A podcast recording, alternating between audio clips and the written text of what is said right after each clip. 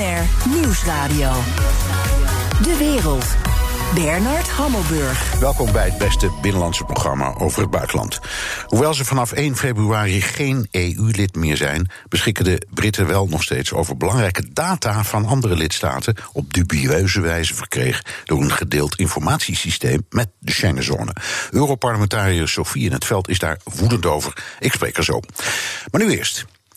De Ierse grens hing jaren als een zwaard van Damocles boven de onderhandelingen over de Brexit. Theresa May kostte het de kop. Boris Johnson kreeg voor zijn oplossing wel voldoende steun. Maar zodra de Britten de EU formeel verlaten, gaat het gedoe over de Brexit pas echt beginnen. Boris Johnson has dismissed a leaked document, which suggests there will be checks for goods travelling from Northern Ireland to mainland UK after Brexit. That's complete nonsense. We can come out as one whole UK. Any business you speak to, they are all unified when they say that there will be extra bureaucracy and checks between Northern Ireland and Great Britain. Is that's actually their main concern with this deal? Ik ga erover praten met Hans Maassen. Hij is douane-expert en was als adviseur van de Brexiteers van dichtbij betrokken bij de Brexit-onderhandelingen. Welkom. Goedemiddag. Ik moet zeggen, welkom terug. U was hier in augustus en we hebben zelden op een uitzending zoveel reacties gehad als toen u kwam met uw uh, analyse en denkbeelden over en van de douane. U was destijds uh, betrokken als adviseur. Na morgen gaan de onderhandelingen opnieuw beginnen. Bent u opnieuw adviseur of speelt u opnieuw zo'n dergelijke rol?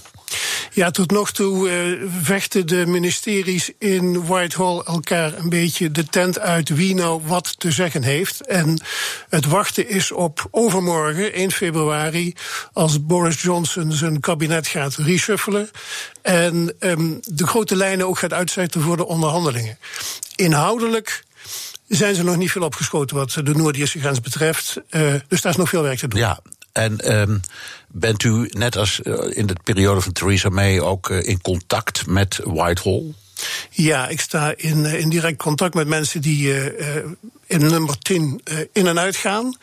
Maar dat wil niet zeggen dat daar nou beslissingen vallen. Het is allemaal uh, als egeltjes met elkaar vrijen, zou ik bijna zeggen. Ja, heel voorzichtig. Niemand, niemand wil zich committeren. Um, het, het, uh, ja, het is het grote wachten. Ja.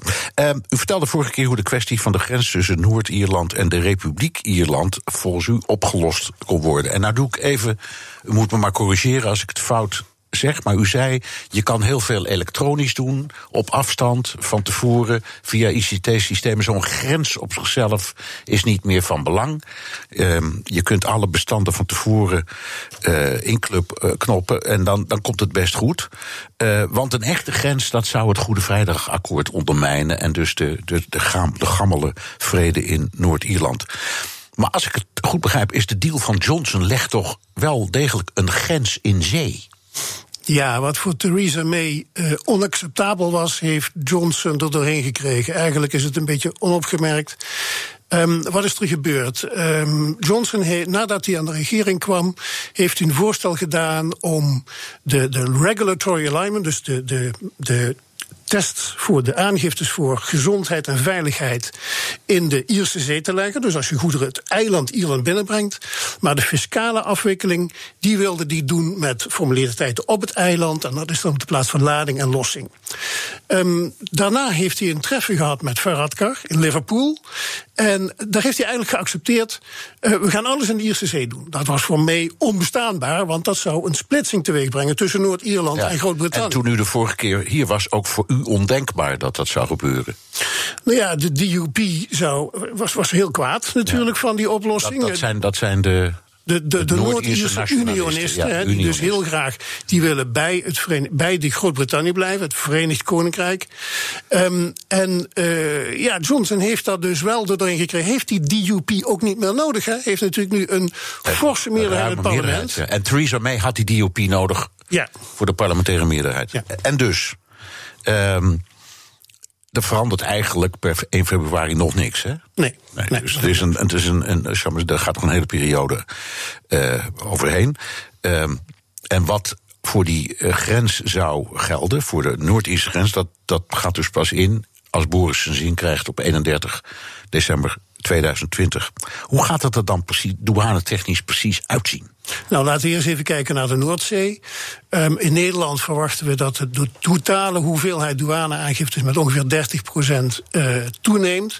Nederland heeft een goed ontwikkelde douanesector. En die hebben zich goed voorbereid. En, en dat gaat lukken. Het beleid is: je komt alleen maar een ferry op als je eraf kunt. Dus je moet vooraf zorgen dat zowel de uitvoer als de invoerformaliteiten in orde zijn. Want men wil geen oponthoud. Nee, dat is wat u vorige keer ook zei. Dus zo'n grens is maar iets denkbeeldigs. Je hebt het papierwerk zo gezegd van tevoren al allemaal geregeld. Ja, precies. Dat is zeker in, die, in, die, in dat ferryverkeer zo.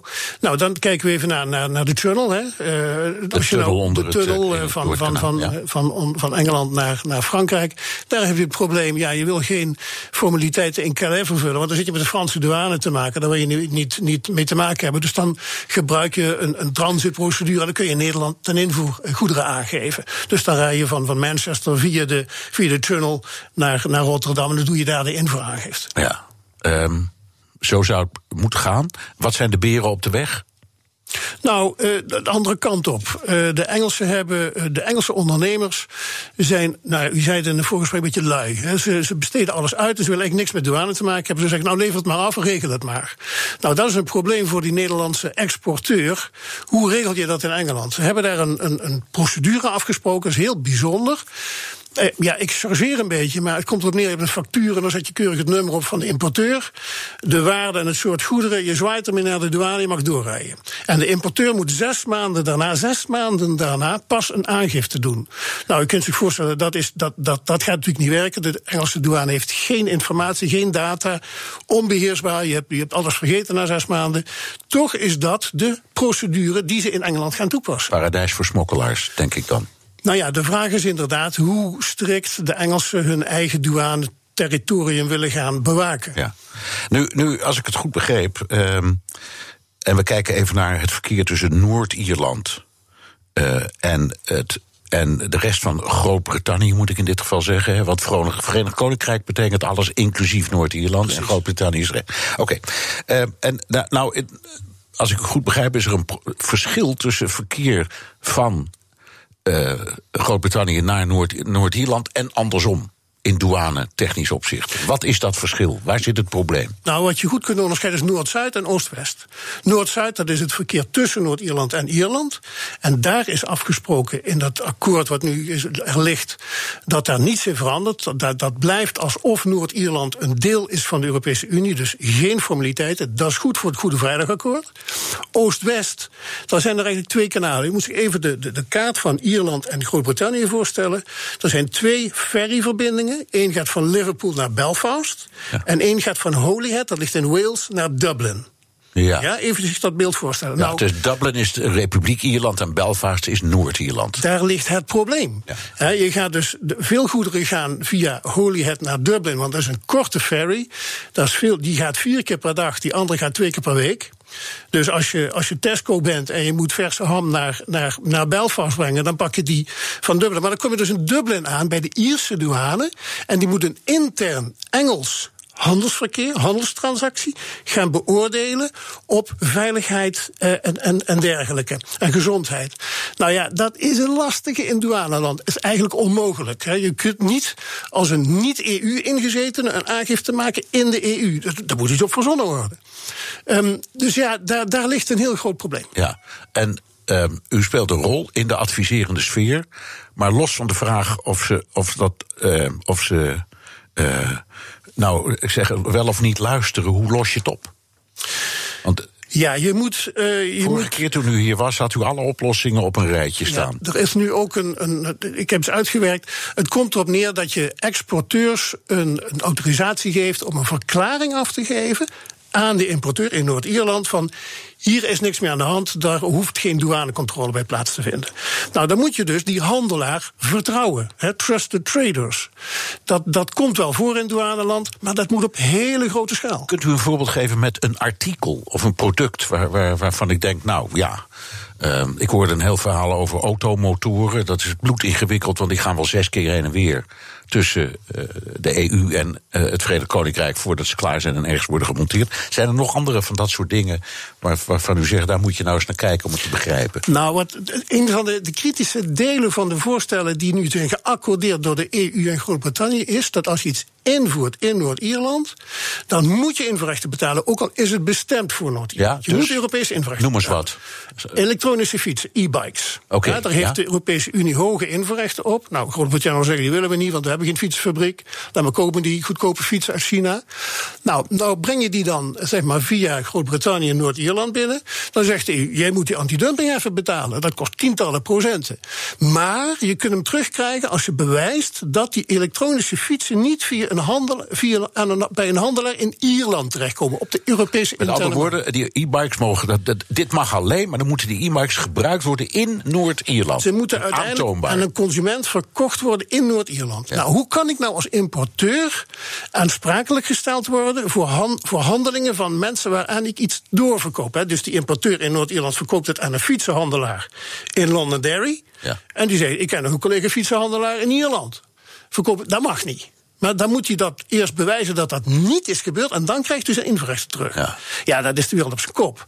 Dat, dat kun je juridisch niet vormgeven. En dat is eerlijk gezegd een variant op iets wat de Europese Unie eerder als magical thinking heeft afgedaan. Dus eh, het, het, het, ze vechten erom wie het meeste boter op de hoofd heeft. Ja. En wie wint? Nou, het is, het, is, het is gelijkspel, zou ik zeggen. Ja. Oké, ehm, vorige keer herinner ik me, zei u, nou nee, als, als ik een oordeel moet vellen, dan vind ik dat de, ehm, de, de, de Europeanen ook wel een enorme zwikfout hebben gemaakt. In, eh, het, is niet alleen maar, het ligt niet alleen maar aan de Brexiteers. Nee, eh, kijk, wat, wat, als we even kijken naar het onderhandelingsresultaat. Toen toen eh, Theresa May eh, dat conceptakkoord had uitgewerkt met, met Barnier. Die backstop was heilig. Hè, die Noord-Ierse grens die, die moest on- vrij blijven zonder infrastructuur, om tevreden te bewaken. Ehm, en als je nu ziet, hebben ze die backstop is helemaal weg. Dus men heeft nou vol vertrouwen in dat, dat Boris het gaat oplossen in die Ierse zee. Ja. Ik heb net aangegeven, dat is technisch onmogelijk. en ook, het, Boris kan het ook niet verkopen, dat, dat gaat niet. Die unionisten, maar ook sowieso heel Noord-Ierland en ook eh, Ierland zelf zullen zeggen, we moeten met, met, met deze aanpak. Ja. Eh, dus daar moet weer een hele slag gemaakt worden. Ehm, dus het is een, echt een politiek akkoord waarbij alles voor zich uitgeschoven is. Dat is wat nu, dat gisteren door het Europese parlement en afgelopen week door. Ja, nou is dat op zichzelf. Ook. eh, dat was ook de afspraak. Want dit Brexit-moment is eigenlijk alleen maar het moment van eh, scheiding van tafel en bed. Maar de, de, de, de, de rest moet ook nog. Dus op zichzelf is dat geen bezwaar. Alleen Ja. u zegt. Nou ja, u zegt oh. dat zo maar. Het was toch. Er is in, in 2000 december 2017 een akkoord gesloten. En er moest iets over de rekening. moest ak- akkoord zijn. Ja. Hè, over de personenverkeer.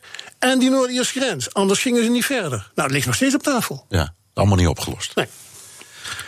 Dit is BNR De Wereld. We praten over de brexit. En mijn gast is douane-expert Hans Maas. One part of the United Kingdom is central to the apparently endless Brexit debate, and that's Northern Ireland. The fear is that a border in the middle of the Irish Sea is the thin end of the wedge of Irish unity. Meneer Maassen, we hebben het daar eigenlijk steeds over. Nog even voor de duidelijkheid, twee dingetjes. Hoe zit het met ehm, de, de, eh, producten andersom? Dus eh, de invoer van EU-producten naar Noord-Ierland, maar ook andersom. Zijn er ook zulke grote problemen? Of Ja, je moet je dus voorstellen, eh, Ierland. stel je wil vanuit de Republiek Ierland via Noord-Ierland iets exporteren naar Engeland. Dan zou, hè, als je geen douaneformaliteit hebt op het eiland, zou de Engelse douane de Europese exportregelingen moeten, moeten handhaven. Ja, even voor de duidelijkheid, dat stukje van, eh, van de Republiek Ierland naar Noord-Ierland, dat zei u net, dat is geregeld. Ja, mag kun je zo doorrijden, daar is niks. Daar is niks. Daar is niks terwijl eigenlijk ga je dan de EU al uit. Dus da- daar zit eigenlijk het probleem al. Precies, dus dan, moet, dan, dan zou de EU dus moeten toestaan dat, dat de, de HMRC, Her Majesty Revenue and Customs, de Engelse douane, EU-regeling gaat handhaven. Nou ja, dat, dat, dat kan ik me niet voorstellen. Hè. De EU is zo strikt in haar beleving en Engeland moet het ook niet willen. Daar zijn wel oplossingen voor. Je zegt, je mag niks exporteren. Je moet iets doen met zo'n transitaangifte. Hè. Dan heb je dat onder douaneverband gebracht in Ierland. Maar ja, die, die, die voorstellen moeten wel op tafel komen. En de Engelsen ja, moeten toch nog goed nadenken voordat ze tot die conclusie komen. Ja, en, en, en ehm, uw boodschap is ook een beetje. Ze komen niet, nog niet erg van hun krent, als ik het zo maar even plat mag zeggen. Nou ja, ik heb wat contacten met, eh, met eh, diverse ministeries in, in Whitehall. En daar heb je dus bijvoorbeeld um, de Home Office, die gaan over het immigratieverkeer. Daar heb je natuurlijk eh, de, de, um, het ministerie van Financiën, daar valt HMRC onder, de Engelse douane. Dan heb je de Border Delivery Group, die hebben als taak die, douane, die, die, grens vorm te geven. Um, en dan heb je nog Border Force. Border Force is eigenlijk een combinatie van douane en marechaussee die aan de grens alles bewaken. Nou, om over dat laatste even te vertellen, ik heb, uh, ben goed bekend met een voormalig hoofd van Border Force. Is echt een goede vent.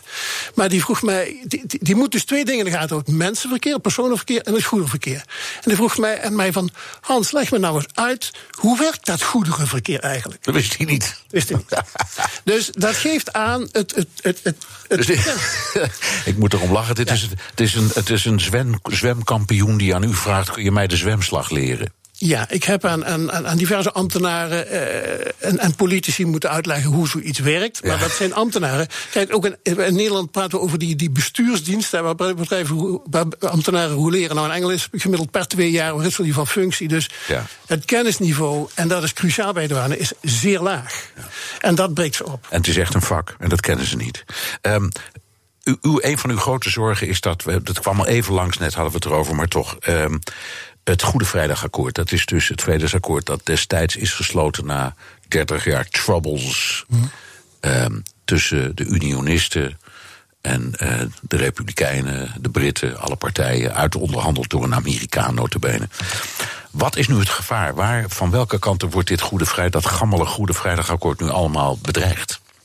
Nou ja, kijk, op het eiland Ierland eh, valt het mee. Dus de, de, de Noord-Ierse katholieken, die eigenlijk graag Noord-Ierland bij Ierland willen zien komen, die zijn wel tevreden, want dat Noord-Zuid-verkeer, dat, dat is ongehinderd. Maar nou gaan dus die unionisten, hè, dus die heel graag Noord-Ierland dicht bij Groot-Brittannië willen houden, die gaan stijgeren. Die zeggen, dit kan niet, hè, wij drijven uit elkaar. En ze hebben een punt. Ja, zeker. Want, want eh, hè, er komen echt formaliteiten, heffingen, ze willen het niet weten, in die Ierse Zee.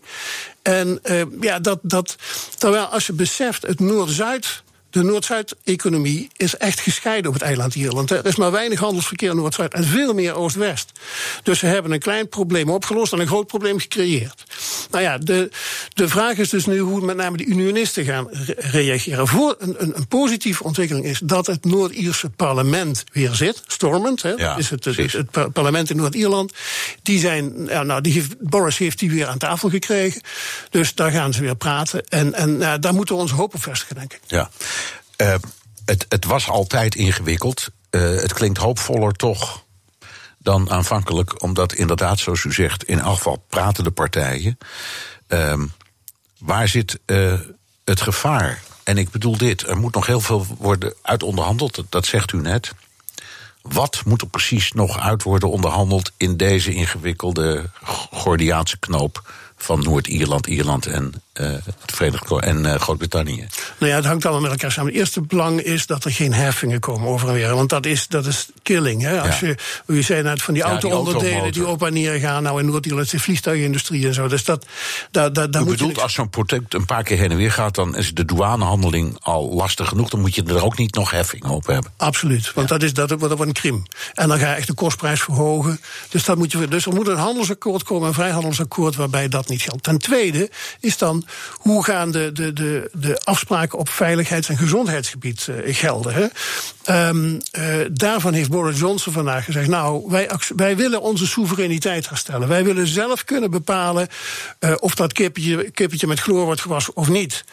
Of wij een banaan, of die krom moet zijn of recht. Daar wil hij zelf over beslissen. En dat betekent dat er dus meer controles daarover komen aan de grens.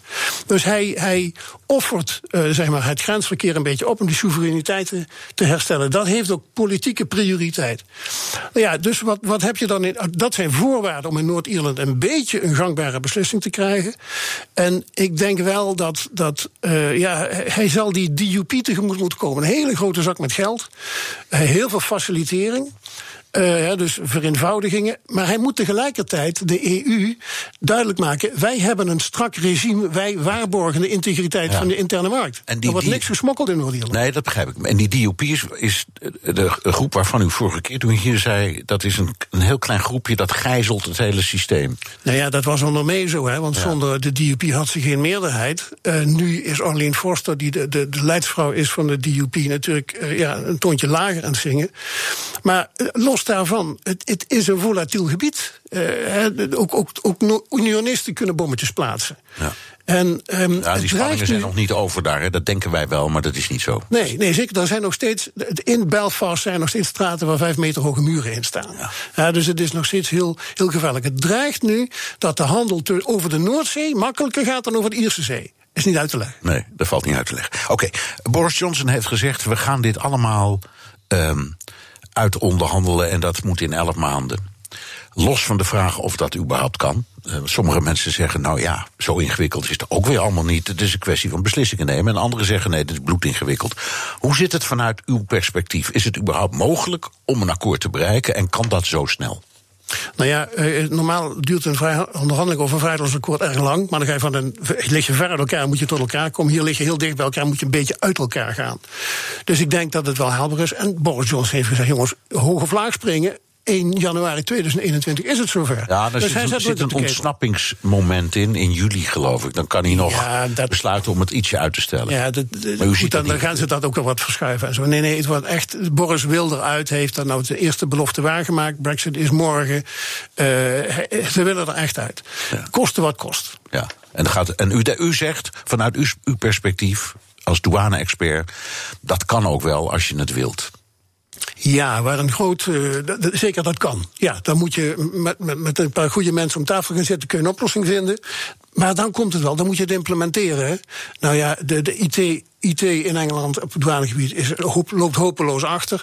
Uh, ze hebben geen douanecultuur. Dan moet een vervijfvoudiging van een aantal aangiftes. Er is geen enkele service-industrie op dat gebied. Daar ligt ook een enorm probleem. Dus je kunt wel zeggen, we gaan het in januari volgend jaar zo doen. Maar ja, als niemand weet hoe en wat, en er is geen infrastructuur niemand of faciliteit. Nee, nee. En uh, tenslotte, um, voor Nederland zelf, is, dat, is het ernstig, dit? Nou ja, de handel met Noord-Ierland vanuit Nederland is vrij beperkt. Ja. Uh, Engeland is natuurlijk veel meer. Wat betreft die regulatory alignment, dus die afstemming van, van gezondheid en veiligheidskwestie, is lastig voor onze landbouwexport. Uh, dan zullen ze zelf wel wat, wat soepel zijn daarin. Hè, maar we importeren weinig cheddar cheese uit Engeland deze kant op. Hè. Dat, ja. dat, dat, blijft een probleem. Maar um, het is vooral voor de Ieren van belang. Hè. De Ieren hebben heel intensief handelsverkeer met Groot-Brittannië. Als je daar uh, elk hammetje. Moet je je voorstellen, Tesco gaat, gaat, gaat vanuit het distributiecentrum in Groot-Brittannië uh, Belfast bevoorraden. Dat doen ze via Dublin. Moet je dan voor elk uh, plakje ham een, een, een, aangifte maken? Dat kan natuurlijk niet. Dus, dus de EU moet zeggen: Tesco, jij bent te vertrouwen, rij maar door. Oké. Okay. Dank voor dit gesprek, douane-expert Hans Maassen. BNR Nieuwsradio. De wereld. Bernard Hammelburg. Een Griekse Europarlementariër is uit zijn partij gezet. Nou en, zul je misschien denken, maar achter die politieke rel in Brussel gaat een Grieks voetbaldrama schuil. Een drama met rollen voor een voetbalster die naar Brussel ging, woedende voetbalsupporters en een Russische oligarch die met een wapen een voetbalveld oprende. Wat een verhaal. Europa-verslaggever Jesse Pinster. Laten we beginnen bij die Europarlementariër. Wie, wie, wie is hij en waarom is hij uit zijn partij gezet? Ja, dat is Theodoros Sagorakis. En dat is een oud voetballer. Here's Sagorakis. Room for a shot. Ja, dat was de aanvoerder van het Griekse elftal dat Europees kampioen voetbal werd in 2004. En nu is hij dus Europarlementariër. Maar hij was ook voetballer bij onder andere PAOK, de club uit Thessaloniki. En daar is hij ook nog eens twee jaar de president van de club geweest. Nou, dan ben je echt een grote jongen in uh, Griekenland. Het punt is nu dat PAOK, die koploper is in de competitie op dit moment, die dreigt naar een lagere klasse te worden verbannen. En daar is deze Sagorakis woedend over. Dus wat hij deed, hij dreigde zijn eigen politieke partij, dat is Neo-Democratia, dus ook de partij van de Griekse premier Mitsotakis. Hij zei: Ik stap uit deze partij als jullie niet iets gaan doen voor mijn voetbalclub PAOK. Ja. En dat vonden ze dus niet zo leuk. Dus toen was de reactie vanuit de, de politieke partij van... jij gaat ons niet chanteren, beste meneer Sarkorakis. Daar is de deur en u bent niet meer welkom binnen onze partij. Even, waarom moest die voetbalclub degraderen? Ja, PAOK zou dezelfde eigenaar hebben als een andere voetbalploeg in de hoogste divisie. Dat is Xanti. En ja, dan krijg je toch een beetje het gevaar van competitievervalsing. Als er gewoon twee clubs met dezelfde eigenaar zijn. Dus er was een commissie die daar een oordeel over geveld heeft. Dat was afgelopen maandag. En die zeiden ja, de, beide clubs die zouden een divisie lager gezet moeten worden. Zitten ze nog steeds in dezelfde divisie, zeg ik dan. Maar goed. Ja, nou ja precies. daar kreeg je dus die woedende reactie van Sagorakis. Maar ook veel fans natuurlijk van PAOK die daar. Ja, die zagen dat eigenlijk een beetje als een soort machtsgreep vanuit Athene, vanuit het zuiden. Dus uh, ja, weet je, en dat moeten we wel nog eventjes bij vermelden. Die, de baas, nu de huidige baas van PAOK, dat is een Rus, Ivan Savidis. En dat is de man die in 2018 bij een voetbalwedstrijd verhaal ging halen bij de scheidsrechter. Die liep het veld op. Alleen had hij aan zijn riem ook nog een wapen bungelen. Dus deze Savidis die is sindsdien geschorst. Die mag geen enkel voetbalstadion meer in. Dus ja, in deze context gebeurt dat allemaal. Gaat PAOK die straf krijgen of niet? Dat is formeel nu aan de voetbalbond, maar de politiek in Griekenland kon zijn handen daar niet van afhouden. Dus wat heeft de regering gedaan? Ondanks dat ze dus die partijgenoot uit de partij geknikkerd hebben in Brussel. Ze hebben een amendement ingediend waarin ze zeggen: ja, die straf moet er niet komen. Nou, daar zijn natuurlijk de concurrenten van Pa ook weer woedend over dat ze, niet gestraft worden. En dan moet je vooral denken aan Olympiakos uit Piraeus, dat is de grote concurrent. Maar in dat abonnement staat ook iets anders, en dat is dat Pa ook dan weer puntenaftrek moet gaan krijgen. En dan zouden ze dus geen koploper meer zijn, dan zou grote, uh, de grote concurrent Olympiakos ineens bovenaan gaan staan. Dus het is de regering van Mitsotakis gelukt om werkelijk iedereen boos te maken. Iedereen is woedend op ze. En in de Griekse media lees je allemaal verhalen over de grote veten tussen het noorden en het zuiden van het land. Een echt Grieks drama. Speelt nog iets anders. Klein nieuws, zullen we maar zeggen. De Brexit. ja. Uh, nog, uh, nog 32,5 uur en dan uh, gebeurt het. Vertrek van de Britten. Um, dat is voor jou een enorme klus aan werk en werk geweest. Waar ben jij morgen om 12 uur? Londen. Ik uh, ga toch naar het, het, feestje van de meest radicale Brexiteers, mag ik wel een beetje zeggen. Dus ja, het is het feestje georganiseerd door Nigel Farage. En daar heb je dan een, nou ja, Farage als spreker, maar ook Tim Martin, dat is de eigenaar van de Weatherspoon kroegen. Ook een hele felle Brexiteer. Nou, dan sta ik waarschijnlijk ergens vlak naast de Big Ben. Die gaat niet luiden, daar hebben ze het geld niet voor bij elkaar gekregen. Maar nou, ze gaan wel aftellen en dan komt een klok die wordt geprojecteerd op Downing Street. En van alles en nog wat om dit mooie momenten markeren. En de luisteraars van BNR kunnen daar gelukkig ook gewoon bij zijn. Want we gaan een speciale live-uitzending maken van Boekenstein en de Wijk. Vanaf half twaalf, morgenavond laat, live de Brexit op BNR. Dankjewel, Europa-verslaggever Jesse Pinster. BNR Nieuwsradio. De wereld. Bernard Hammelburg. Britten mogen dan misschien uit de EU vertrekken. Ze nemen wel cruciale data uit het Schengen-informatiesysteem met zich mee. Dat is een register dat de autoriteiten van de deelnemende landen inzicht verschaft in elkaars internationale opsporingsinformatie. Het Verenigd Koninkrijk heeft op schimmige wijze gegevens uit dat systeem gekopieerd. En aan de andere kant van de Noordzee is men niet bepaald blij met die actie. Ze hebben overal malingen aan, ze hebben illegale kopieën gemaakt van die Schengen-bestanden. Ze hebben ons niet gewaarschuwd als er gevaarlijke criminelen onze kant op kwamen. Ja, en we moeten nu gaan onderhandelen over onze toekomstige verhoudingen. Ook over veiligheid en politiesamenwerking. Maar ja, dan vraag je je dus wel af hoe betrouwbaar zijn deze uh, onderhandelingspartners. U, u, hoorde een boze Sophie in het veld, Europarlementariër namens D66... bij de collega's van Radio 1 en ze is nu mijn gast. Welkom. Goedemiddag. U zegt, de Britten hebben zich met deze handelswijze gedragen als cowboys.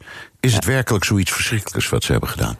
Nou ja, het is, het is dit incident, maar dat is niet het enige. Uh, maar hier hebben ze uh, ja, eigenlijk gewoon lak gehad aan alle regels. En niet één keer per ongeluk, maar gewoon jarenlang. Ja. Ik moet erbij zeggen dat de Europese Commissie uh, was hiervan op de hoogte, heeft niet ingegrepen. Uh, ook in het Europees Parlement, we moeten onszelf ook uh, kritisch bekijken. Daar is een soort, soort commissie stiekem, zeg maar, die dit eigenlijk ook had moeten zien. En die hebben ook geen alarm geslagen. Ik zei in mijn inleiding al kort wat het Schengen-informatiesysteem is. Kunt u er nog iets meer over vertellen? Wat is nou precies dat Schengen Information System? Nou ja, we hebben uh, Schengen, daar zit het Verenigd Koninkrijk dus niet in.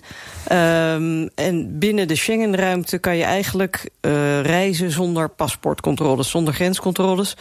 Um, en daar, daar is binnen dat Schengengebied is er een groot uh, gegevensbestand... waar um, ja, bijvoorbeeld mensen ingezet kunnen worden... die gezocht worden om wat voor reden dan ook. Of informatie over, over mensen. Uh, de Britten die zijn aan de ene kant willen ze geen lid zijn van Schengen... Um, en nu al van de hele Unie niet meer. Maar aan de andere kant kregen ze wel toch toegang tot dat gegeven. Ja, maar dat is, dat is, neem ik aan, in overleg gebeurd. En ik neem aan in het belang ja. van zowel de Britten als van de Unie. Dus waarom hebben we het nou gedaan, ja, om te beginnen? Dat zou, ja, nou ja, goede vraag. Ik bedoel, ik zou zeggen, als je uh, in Schengen wil zitten... word dan ook gewoon volledig lid van Schengen. Doe gewoon mee, hè, zodat je ook het... De, zodat wij ook delen hebben van het paspoortvrij reizen. Uh, maar dat wilden ze dan niet destijds. Nee, maar wij moeten, wij moeten wij, laten we zeggen, wij moeten er, behalve dat we toen nog goede maatjes waren met de Britten, ja. ook een belang in hebben gezien om die informatie met de Britten te delen. Ja. Nou ja, het delen van informatie wordt natuurlijk altijd onderbouwd met het argument van veiligheid. Ja. Alleen de Britten, hè, er bleek hier dat ze die Schengen-informatie uh, niet He, als zij bijvoorbeeld daaruit informatie kregen over uh, gevaarlijke mensen, criminelen die de grens over gingen, uh, het Verenigd Koninkrijk uit naar Europa, hebben ze die informatie niet met ons gedeeld. Nee, er maar wacht even, daar moet ik, dat, dat, dat, dat, dat las ik toen we dit aan het voorbereiden waren. Maar er zijn drie landen bij mijn weten in de wereld die geen paspoortcontrole kennen bij vertrek. En dat zijn het Verenigd Koninkrijk, Canada en de Verenigde Staten. Dus daar kom je bij binnenkomst word je enorm gecontroleerd. Maar daaruit kun je zo. Dus ja, hoe hadden die Britten dat dan moeten doen? Want die hebben helemaal, helemaal geen systeem om mensen bij, bij vertrek op te pakken. Nee, maar er, er zijn allerlei manieren om informatie te delen natuurlijk. Uh, maar je vraagt je ook af, bedoel, als ze van tevoren al zeggen... nou jongens, wij gaan niemand controleren... dan vraag je af wat dan de winst was voor Europa. Ja, maar precies, maar dat, maar dat ze geen grenscontrole hebben bij vertrek... Ja. ja, dat is altijd zo geweest. Dus dat, dat bij, al toen, toen van weerskanten bij het kruisje werd getekend... moeten ze dat geweten hebben. Maar er zijn, er, zijn, er zijn heel veel uh, regelingen voor het delen van informatie. En die, die informatie die ze bijvoorbeeld uit dat Schengen-systeem halen... die gebruiken ze niet alleen maar bij de paspoortcontroles... maar dat is natuurlijk gewoon informatie over mensen... Die, waar om wat voor reden dan ook een, rood vlaggetje bij staat. Uh, er zijn ook nog andere systemen om informatie te delen. En ook daarbij bleek dat ze, uh, ik geloof in, in, uh, van, van iets van 25.000 criminele veroordelingen... hebben ze informatie niet met ons gedeeld wat ze wel hadden moeten doen. En toen ze daarachter kwamen zelf, vonden ze dat zo gênant... dat ze het in de doofpot hebben gestopt. Dus, maar de vraag is hier... Want je, de, de, de Europese Commissie wist dit. Uh, heeft niet ingegrepen, heeft niet gezegd... jongens, uh, jullie houden je niet aan de afspraken... want de afspraak was dat je wel degelijk informatie ging delen. Uh, en de vraag is nu, we gaan nu onderhandelen met de Britten... over de toekomstige politiesamenwerking, veiligheidssamenwerking ja, als ze zich als EU-lid al niet aan de regels hielden hoe weten we dan dat ze dat wel gaan doen uh, als ze geen EU-lid meer zijn? Ja, even voor de duidelijkheid. Al die informatie die ze hebben hè, via dat systeem, mm -hmm. waar ze dus uh, deelgenoot van waren, die hebben ze nog steeds? Of die hebben ze gepikt, gekopieerd, uh, opgeslagen? Ja, of hebben, hebben ze die netjes teruggegeven? Hoe zit dat? Zo werkt dat niet, denk ik. Maar nee, ja, wat ze met die kopie hebben gedaan, dat weet ik niet. Maar dat, kijk, het punt is ook dat die, die informatie in dat Schengen-systeem wordt natuurlijk permanent vernieuwd. Uh, en zij hebben kopieën gemaakt uh, om, de, om de zoveel tijd. Uh, en daar de, de informatie die daarin staat... die is dan dus per definitie op een gegeven moment verouderd.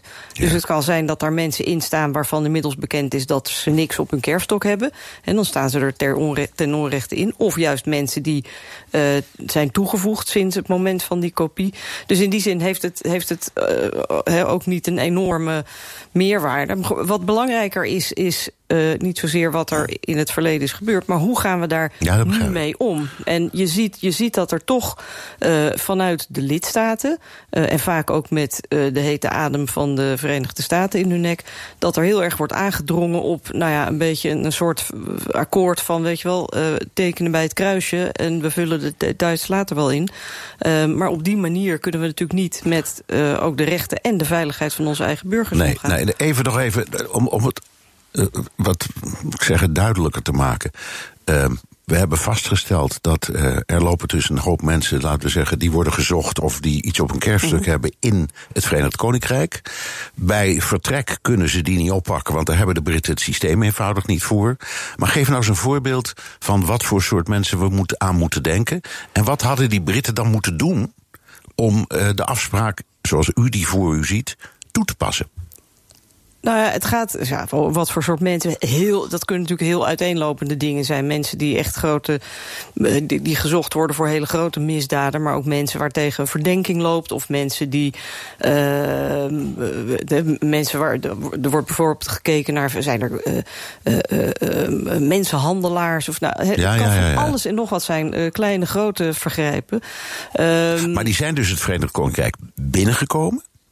Ja. Dat is nog van feit. Dus ook toen, nou ja, he, toen, toen, heeft, uh, ja. toen, he, toen hebben de immigratieofficieren uh, niet erg goed in het systeem gekeken. Want er had al een lampje moeten gaan branden, toch? Nou, maar kijk, systemen die werken met elkaar samen. Het is natuurlijk niet zo dat, je, dat er alleen maar aan de grens wordt gekeken van wie komt hier voorbij. Uh, er zijn heel veel uh, systemen die, die gecrosschecked worden, als het ware. He, je bijvoorbeeld bij, bij reizigers tegenwoordig worden ook uh, alle gegevens, passagiersgegevens opgeslagen. Nou, dat, dat kunnen ze dan ook met elkaar checken. Ja. ze kunnen ver, he, verloren of gestolen paspoorten. Ehm, nou, er zijn allerlei systemen die met elkaar in verbinding worden gebracht. Dat wordt ook steeds meer uh, zeg maar uh, Europees aangedreven. Hè. Ze, gaan, ze willen nu heel veel van die systemen gewoon rechtstreeks op elkaar aansluiten met één zoekfunctie. Uh, dat, dat, dat heeft natuurlijk voordelen, maar ook grote risico's. Ja, van de, van de, vanwege de privacy. En dat is een van de onderwerpen waar u zich altijd erg druk over maakt. Maar nou ja, goed, dat zien we voor ons. Ja. Het, het, het punt is dat als je een keer in zo'n systeem zit en, en er zit een fout in ja, dan kom je daar ook bijna niet meer vanaf. We hebben onlangs in Denemarken gezien dat er, uh, waar ze in Denemarken gebruikten ze uh, uh, telecomgegevens, hè, dus van, van telefoneren en zo. Uh, uh, om mensen voordeel te krijgen. En er bleek dat daar zoveel fouten in zaten... dat ze 10.000 veroordelingen zijn moeten gaan herzien. Uh, 30 mensen hebben ze moeten vrijlaten. Uh, die waren misschien onschuldig of in ieder geval kon er niks meer bewezen worden.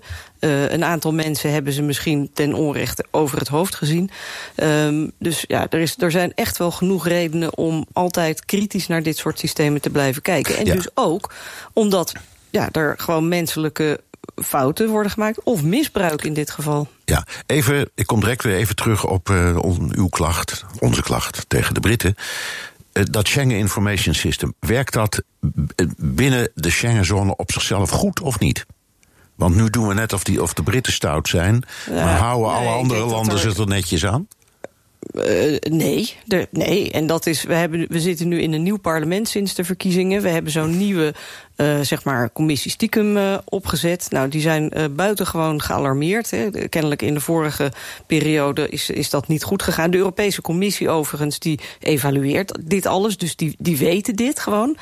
Uh, wij als parlement moeten mo meer moeite doen om erachter te komen. Maar het is duidelijk dat hè, er zijn in heel veel landen problemen. Maar ook bijvoorbeeld, je hebt tegenwoordig in je paspoort... moet je allemaal zo'n zo'n chip hebben met je, met je vingerafdrukken en zo. Hè, biometrische ja. gegevens. Dat is al sinds 2009 is dat verplicht. Wat blijkt nu?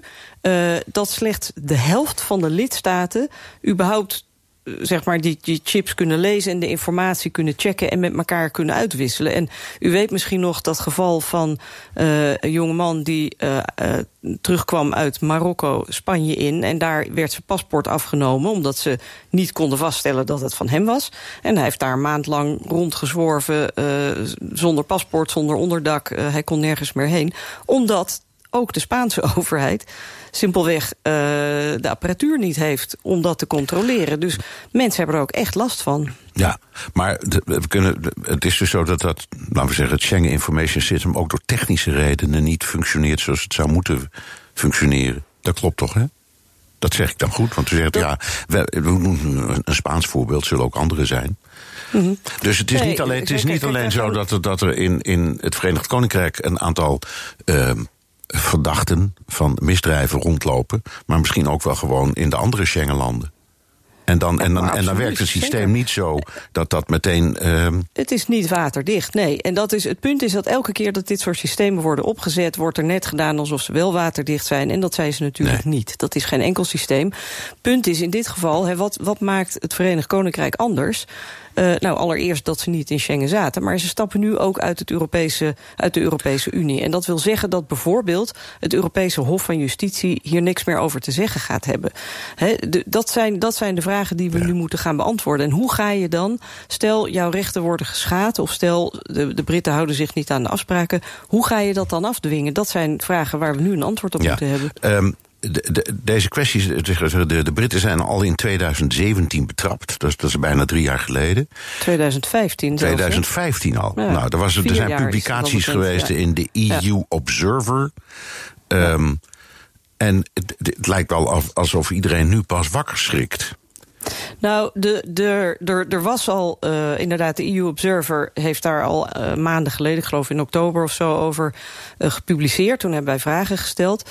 Um, en zij, maar zij hebben pas in december hebben ze zeg maar dat evaluatierapport van de Europese Commissie over hoe, uh, wat die Britten allemaal doen met Schengen. Dat hebben ze pas in december gepubliceerd. Ze hadden dat al langer in handen. Wij weten niet waarom ze het niet eerder hebben gepubliceerd.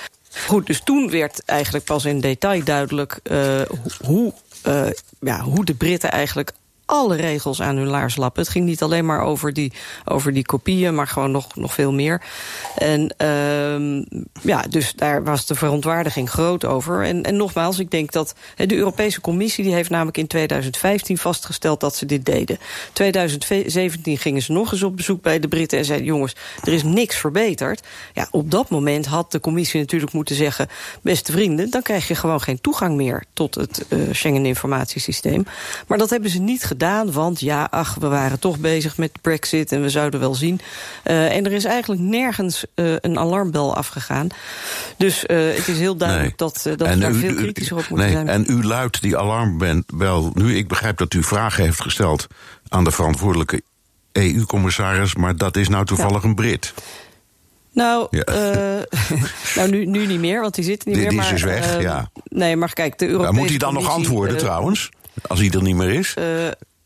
Nee, er zullen. Kijk, er zal, er zal een antwoord. De, de commissie is collectief verantwoordelijk. Ja, tuurlijk. Dus, uh, ja. die, gaan, die moeten dit uitzoeken. Maar ook in eigen huis moeten we gaan kijken van hoe kan het dat dit niet eerder uh, naar boven is gekomen. Overigens, kijk, heel veel van dit soort dingen komen wel naar boven. Daar stellen we vragen over. Want er zijn heel veel van die systemen. Ik noemde net al het voorbeeld in Denemarken. Uh, er is ook het voorbeeld van uh, de delen van de passagiersgegevens... Uh, waarbij blijkt dat de, de lidstaten die, die moesten en zouden dat hebben. Dat was heel belangrijk. en nu, nu is die wet er en ze voeren het eigenlijk gewoon nauwelijks uit. Dus... Uh, er wordt ons elke keer iets verkocht van... nou, dit is echt het antwoord op de dreiging van terreur of misdaad. Uh, en dan blijkt dat de lidstaten het gewoon niet en, uitvoeren. En, en was het ook zo dat die commissaris waar we het over hebben... Julian King, um, heeft geprobeerd om u en uw collega's gerust te stellen... met een mededeling van we zijn bezig om die zaken helemaal te regelen? Uh, nou, we hebben daar met hem eigenlijk uh, nauwelijks nog interactie over gehad. Want dit kwam dus allemaal uh, eind vorig jaar naar buiten. En toen was hij eigenlijk al weg. Uh, we zaten in de overgangsperiode. De nieuwe commissie zit er sinds uh, 1 december. Uh, dus we hebben daar met hem niet veel interactie meer over gehad. Want er werd ook pas in december duidelijk hoe, hoe, ja, hoe slordig eigenlijk... Ja de Britten waren geweest. Maar we zitten er nu wel bovenop. En ik, kijk, ik, ik heb al, al jaren geleden gevraagd om een hele brede evaluatie van al dit soort systemen. Niet alleen maar van uh, uh, houdt iedereen zich aan de regeltjes, maar, maar ook wat levert het nou eigenlijk op? En ook wat kost het? Uh, ja, en daar is gewoon uh, een enorme weerstand tegen. Er is toch een enorme druk van elke keer weer een nieuw systeem en weer een nieuwe wet. En, uh, maar de uitvoering, de handhaving is gewoon heel erg zwak. En dat heeft ook veel te maken met het feit dat de Europese Commissie eigenlijk de lidstaten niet aandurft te spreken. Op allerlei terreinen, maar ook op dit terrein. Dus we zijn heel goed in het aannemen van nieuwe wetten en nieuwe systemen. Uh, en vervolgens uh, ja, zijn de, de, de lidstaten die handhaven eigenlijk niet, die houden zich niet aan de regels. En dan, dan is de commissie tegenover de lidstaten eigenlijk te, te timide, te zwak uh, om het echt af om te in te grijpen. Ja. Oké, u zei heel terecht, uw zorg is gebaseerd op wat er in het verleden is gebeurd, maar u kijkt vooruit. Mm -hmm. De Britten zijn er nu uit. Wat moet er nu gebeuren? Ja. blijft die overeenkomst bestaan? Over het delen van informatie met de Britten? Of zegt u nee, daar moeten we gewoon helemaal vanaf? Wat is uw, nee, wat is uw oplossing? Wat, wat mij betreft waren, was hun toegang tot het Schengen-informatiesysteem gewoon meteen afgesloten. Um, kijk, iedereen over de brexit, hè, iedereen die kijkt nu naar uh, uh, de handelsakkoorden die gesloten moeten worden. En de douaneproblemen. Dit, ja. En douaneproblemen. Maar dit is eigenlijk, uh, wat mij betreft, een nog veel complexer en, en gevoeliger dossier. En wat ik zei, er is een enorme druk vanuit de, de nationale hoofdsteden ook vanuit de VS op de achtergrond, dat zie ik ook wel, om een akkoord te sluiten, uh, eigenlijk met de ogen dicht, zo van, nou ja, uh, we houden ons niet aan de Europese regels, maar ja, dit moet nu één keer. Uh, en dan, dan mogen wij tekenen bij het stippellijntje. Uh, nou, dat mag natuurlijk absoluut niet gebeuren. Uh, samenwerking voor veiligheid, ja. Maar dan natuurlijk wel gewoon met goede afspraken, uh, controleerbaar, transparant en met garanties dat iedereen zich aan de regels houdt en dat het gehandhaafd ja, wordt. Ja. Nou, maar uw klacht, uw klacht, uw, klacht is niet alleen over de Britten en um, zeg, uw, uw pleidooi om te zeggen, die, die, die band moet in elk geval wat dat betreft helemaal worden doorgesneden. Maar Ja. het gaat ook over um, de, Nou, precies, maar de kijk, het zijn, het, zijn Ja. twee, het zijn twee dingen. Met de Britten eh, is dit nu relevant omdat we met ze gaan onderhandelen. Ehm, wat betreft de, de, de U27, de blijvende lidstaten... daar hebben we natuurlijk mechanismes om te handhaven. Alleen we zien op allerlei terreinen, niet alleen maar dit... Hè, op heel veel terreinen, of het nu gaat om dieseluitstoot... of de privacyregels of uh, de begrotingsdiscipline... Uh, dat de Europese Commissie eigenlijk veel te beleefd en, en, en, en schuchter is tegenover de lidstaten. Uh, en dat, hè, van dat punt van handhaving binnen de EU... dat is echt iets wat wij ook uh, heel erg op de kaart gaan zetten in de komende tijd. Want dat, dat kan niet meer, want je, je, je wekt bij burgers verwachtingen... dat we iets doen als Europa. En vervolgens uh, de lidstaten die, uh, die gooien er met de pet naar... en worden daar niet op aangesproken. Nee, nee. Dat kan niet meer. We herinneren ons verschillende Nederlandse politici die dan zouden zeggen: regel is regel. Dank, Sofie in het veld, Europarlementariër namens D66. En tot zover BNR de Wereld. Terugluisteren kan via de site, de app, iTunes of Spotify. Reageren kan via een mailtje naar dewereld.bnr.nl. Tot volgende week.